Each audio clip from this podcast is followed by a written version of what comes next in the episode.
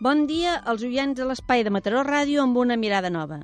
Avui estarem amb vosaltres en Ramon Sal i Cru a l'espai de l'entrevista, Antoni Martínez de l'espai Temps de Reflexió, qui us parla, Maria Dolors Fernández.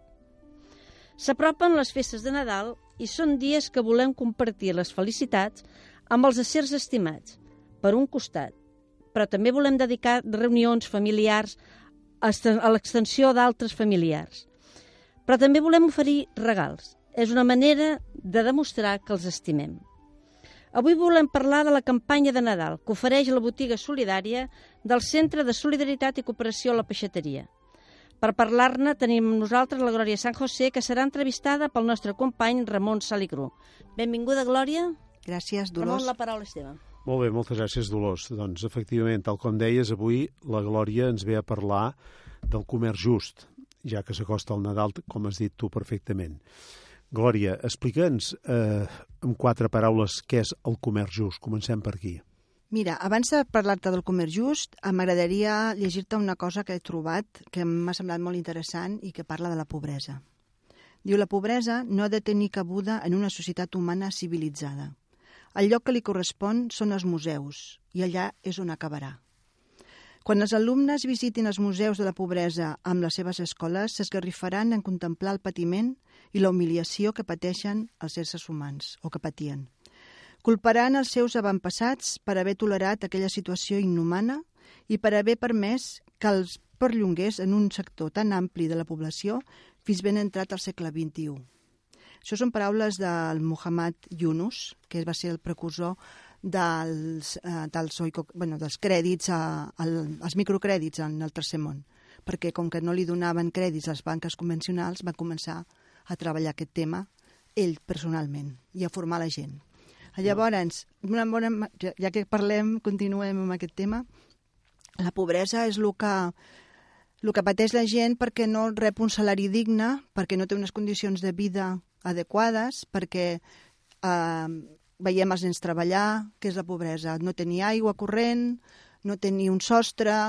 Llavors, nosaltres, a la, la Fundació, Grup de Semont Mataró, que estem ubicats a la botiga solidària, treballem des de fa 20 anys al Comerç Just per denunciar l'ordre mundial de tot aquest tipus de problemàtica que existeix des de moltíssims anys, no? des de tota la vida, de tota la humanitat. Llavors, en els anys 68, més o menys, va haver-hi va començar a treballar-se el comerç just a Europa i a, a l'estat espanyol va començar cap als anys 80. Nosaltres, eh, des, ara ja fa 20 anys que treballem a la botiga solidària i no s'ha deixat mai de treballar, o sigui, continuem des de fa 20 anys, igual que el primer dia. El comerç just el que proposa és que la gent tingui un salari digne, que hi hagi igualtat per la mateixa feina entre homes i dones, que els nens no treballin, sinó que vagin a l'escola i si poden ajudar els seus pares després de l'escola, vale, però no és la seu, el seu ofici. No es fa malbé el medi ambient. Es prefinancia la, la compra, o sigui, els productors fan la seva feina hi ha unes importadores especialitzades que són de comerç just i que compren aquesta, aquests productes. Vale? El comerç just està estès per tot el món, als països més desfavorits uh, des d'Amèrica a Àfrica, Àsia.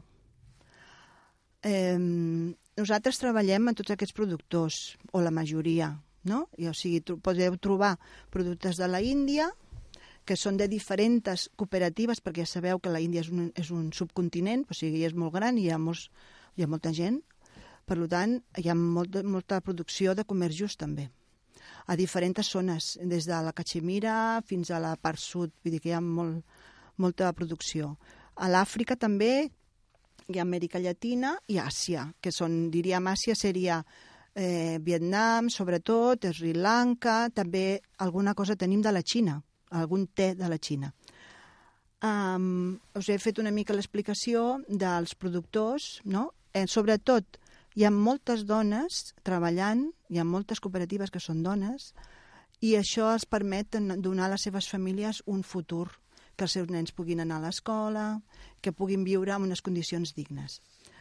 Ah, llavors, de cara al Nadal, de cara a donar informació a tots aquells que es vulguin acostar a la nostra botiga, doncs poden trobar mm, diversos tipus de producte. Els he pensat d'englobar en uns grups, per exemple, alimentació. L'alimentació, des del de, primer producte que va començar a treballar-se al comerç just és el cafè, val? Després també tenim cacaus, xocolates, tenim sucre, tés, artesania, cosmètica... Vull dir que és bastant ampli el ventall que poden trobar de productes. A vegades sembla, com diuen en castellà, un batiburrillo, perquè hi ha molta cosa. Però és que, clar, els productors no els podem deixar de comprar perquè només vulguem tenir una botiga exclusiva d'un tema, sinó que realment veiem que és necessari que es visibilitzi tota la tasca que fan els productors del tercer món. Llavors, de cara al Nadal, com a regals mm, típics serien torrons, no? que te podeu trobar d'ametlles, de guirlatge de sèsam, xixona, xocolata, panetones, això és el típic que es compra normalment per menjar, que està molt bo. Eh, fem moltes paneres que ens demanen algunes escoles, algunes empreses, les preparem nosaltres amb el voluntariat, perquè treballem amb voluntariat, perquè és una ONG, eh, i després també podeu trobar mm, productes nous com podrien ser uns mitjons de bambú, que són de fibra de bambú, que es treballen, que són molt bonics, molt còmodes i, i que agraden bastant. Després moneders, mocadors... Eh, també de bambú hi ha els gots reutilitzables, que és un producte que es agrada bastant perquè és una manera de reduir els envasos sobretot a les empreses o per la gent que, per exemple, pel carrer va i, i vol prendre un cafè en una cafeteria però no volen que li donguin un cafè amb, una, amb un vas de plàstic o de cartró, perquè es llencen al, al llarg del, de l'any bilions d'aquests gots. És una, realment anem en contra de la, del reciclatge. En aquest sentit, s'ha de reduir i reutilitzar. Després, eh, la cosmètica també ha donat un gir important. Podeu trobar unes bones cremes ecològiques amb productes, eh, prim, matèries primeres de, que són fetes, que són tant del tercer món i que donen un bon resultat. Eh, coses per decorar la vostra casa, tovalles, eh, no sé, una mica de tot. Hi ha tanta cosa que... Com, com arriba tot, tot aquest, aquests productes que has insinuat? Com arriben a la botiga? Doncs nosaltres com a botiga treballem com un qualsevol establiment que compra. Llavors, però comprem allà on sabem que és comerç just. Són unes organitzacions cooperatives o associacions que sabem que tenen el segell Fair Trade, que vol dir comerç just. Però llavors, qui representa que ho porta a Mataró, concretament? O, o a través de... Està. Però nosaltres els hem demanat... De, de les importadores com a tal, que d'alguna manera... Els hi, de, els hi demanem, eh? no? els hi comprem, i llavors ells ens ho porten, és la manera. És que, o sigui, les importadores que treballen al comerç just eh, redueixen els intermediaris. Exacte. Vale? Això és important, perquè eh, solen haver-hi moltíssims intermediaris per qualsevol altre producte, uh mhm. -huh. però en el comerç just es redueix. Eh? Llavors arriben d'aquesta manera. Nosaltres comprem directament a la importadora i a vegades també directament al productor. Però això es sol passar molt poques vegades, perquè, clar, venen molt de lluny, molt, massa lluny, i, no, i hem de pagar transports i també a les arancels. I això és més complicat dona un nou sentit als teus regals aquests dies de Nadal. És un dels eslògans que jo he vist llegit en algun espai de, de la botiga. Eh, quin és aquest nou sentit? El nou sentit és el de solidaritat, que no deixa de ser el de sempre, de dir, bueno, mm, recordem que, que el que fem cada dia és important. No tindríem que esperar el Nadal. Uh -huh. Hem de rumiar sempre d'on venen les coses que nosaltres comprem, qui les fa, en quines condicions. És el, de, el que ja fa temps que anem repetint això. Avui la meva filla, eh, casualment, m'ha dit, dit això, mama, aquest any tot el que compri serà de la, de la botiga del comerç just. I m'he quedat una mica sorpresa perquè jo no li demano, dic, escolta'm, primer la botiga perquè saps quines condicions, no, no, no, sortit d'ella, diu, diu, aquest any seran tot productes de comerç just i he pensat, bueno, mm, bona labor, no? anem fent, anem sembrant, anem Clar, sembrant. Perquè al costat d'una venda normal i corrent, que si és sincera, o d'una compra per fer un obsequi d'aquests dies, doncs eh, sempre és correcte, per dir-ho d'una manera. Si a més hi ha aquest afegitó doncs, que està dedicat a ajudar a unes persones doncs, que d'alguna manera o que eh, els productors que tu deies doncs, que són els que d'alguna forma estan produint aquell, aquell objecte, aquell producte, doncs em sembla que és aquest doble sentit que dèiem, no? Sí. Va per aquí. Totalment. La botiga està sempre oberta, s'hi pot anar a qualsevol hora, tots els dies laborables, eh, amb el un horari... Està... L'horari de la botiga és de dimarts a dissabte, Uh -huh. de 10 a dos quarts de dues i de 5 a dos quarts de 9. El dilluns, de 5 a 8. Però al desembre sempre obrim els diumenges. Uh -huh. Al matí, de 11 més o menys fins a les dues i de 5 o quarts de 6 fins a dos quarts de, de 9.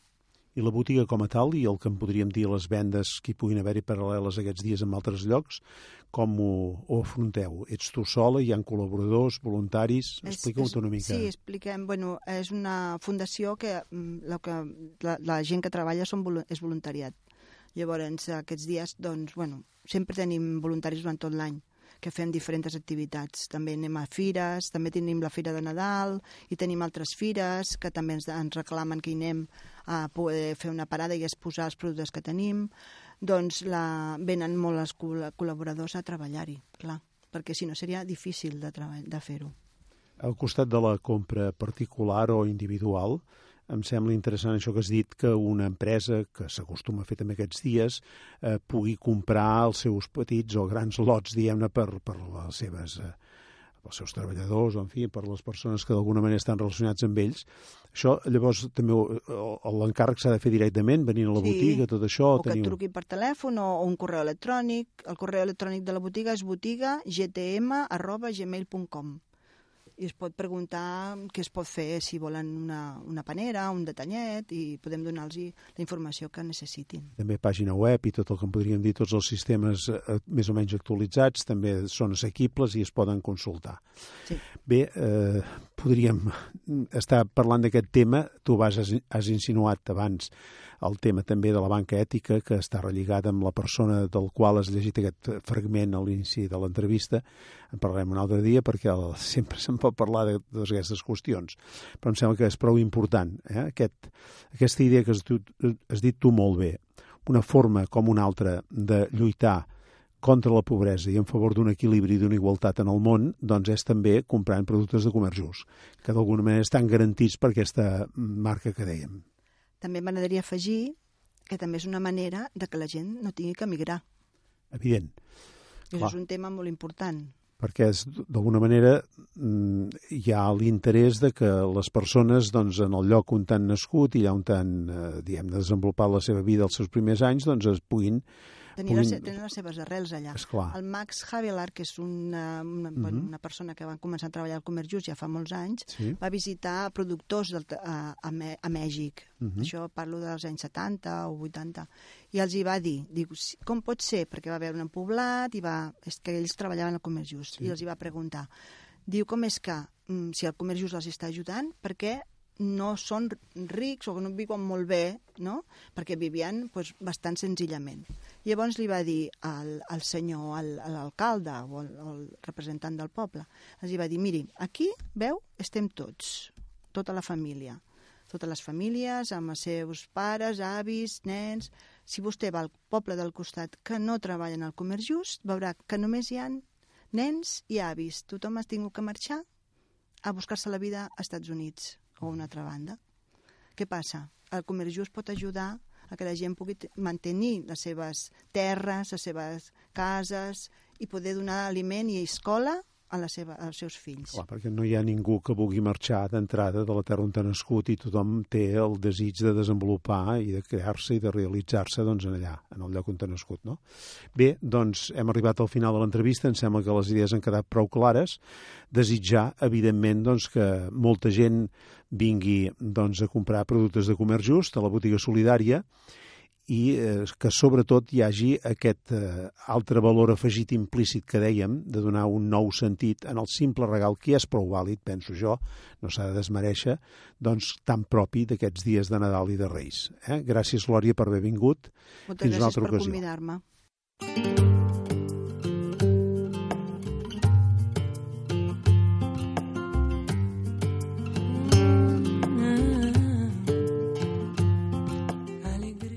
Tot seguit passem a l'espai del temps de reflexió que ens porta Antoni Martínez sobre les lectures que es llegiran aquest cap de setmana a totes les celebracions. Bon dia, Toni. Molt bon dia. Jesús, rei dels jueus. Aquest diumenge 25 de novembre és l'últim del calendari cristià. En, aquesta, en aquest evangeli últim d'aquest any sentirem com Jesús està davant de Pilat i el governador romà en la Palestina. Les autoritats jueves, que volien acabar amb Jesús i la seva doctrina, per fi trobaran de què acusar-lo. Le diran al governador que Jesús és un agitador, un rei, i així Pilat no tindrà més remei que portar-lo a la pena capital, a la creu. Tot això perquè els jueus no la podien treure la vida. Pilat per executar Jesús no necessitava una raó religiosa, sinó política. És per això que preguntarà a Jesús si és un agitador polític, és a dir, si es considera rei dels jueus, a lo que Jesús contestarà afirmativament. Pilat no necessitarà més proves per condenar-lo a la pena capital. Precisament en el rètol que posaran en la creu perquè la gent sàpiga la causa de la seva mort serà el famós INRI, que veien en les creus i que vol dir Jesús Nazarenus Rex Judeorum, o això en llatí, però que traduït a la nostra llengua, Jesús de Nazaret, rei dels jueus. I per totes aquestes persones que no entenien, l'escriptura la posaran tres llengües, que eren les que se parlaven allà per la Palestina, en llatí, en grec i arameu. Així tots coneixerien la causa de la seva mort. Però quina diferència entre el concepte de Jesús, rei dels jueus, causa per la que serà condemnat, i la que Jesús fa com a rei dels jueus. Només cal mirar dues detalls. Primer, la corona que portarà un rei la porta d'or i la que Jesús porta és de bardisses punxegudes.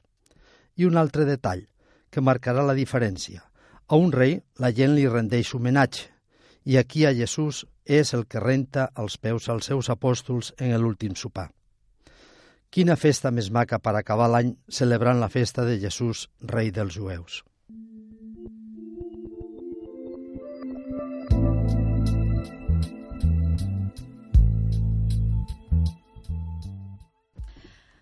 Avui en el comentari de la notícia volem fer una mirada al món amb l'article de Joan Maria Bernet que parla sobre Israel, estat-nació del poble jueu. Amb molta polèmica nacional i internacional, el mes de juliol passat el Parlament d'Israel va aprovar la llei bàsica Israel, estat-nació del poble jueu. Aquesta nova llei remarca el caràcter exclusivament jueu de l'estat d'Israel. El text d'aquesta llei fa prevaler el caràcter jueu de l'estat en detriment de la democràcia pel que suposa de discriminació de les minories existents al país – palestins, musulmans, cristians, drusos, etc. Avui donem simplement els punts fonamentals d'aquesta llei que recalquen la judeïcitat de l'Estat fundat per les Nacions Unides l'any 1947. Un altre dia parlarem si aquestes lleis no van en contra de la democràcia del propi país. Els principis bàsics d'aquesta llei diu la terra d'Israel és la pàtria històrica del poble jueu en la qual s'ha establert l'estat d'Israel. L'estat d'Israel és la llar nacional del poble jueu en la qual exerceix el seu dret natural, cultural, religiós i històric a l'autodeterminació. El dret a exercir l'autodeterminació nacional a l'estat d'Israel és exclusiu del poble jueu. La capital de l'estat, Jerusalem completa i unida, és la capital d'Israel.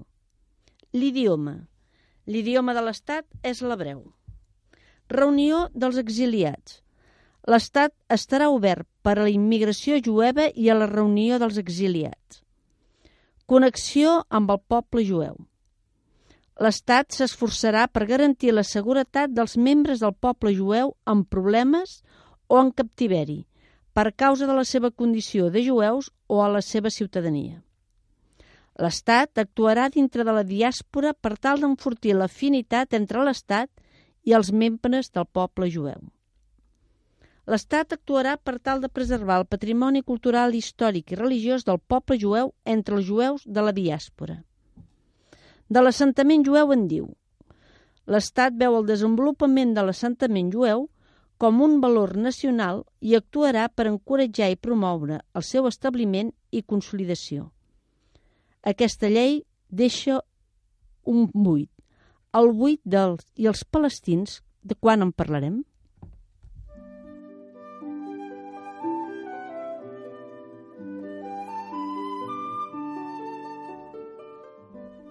Amb el comentari de la notícia arribem al final del programa d'avui. Nosaltres ens acomiadem fins la propera setmana. Fins aleshores que tingueu un bon dia i una bona setmana.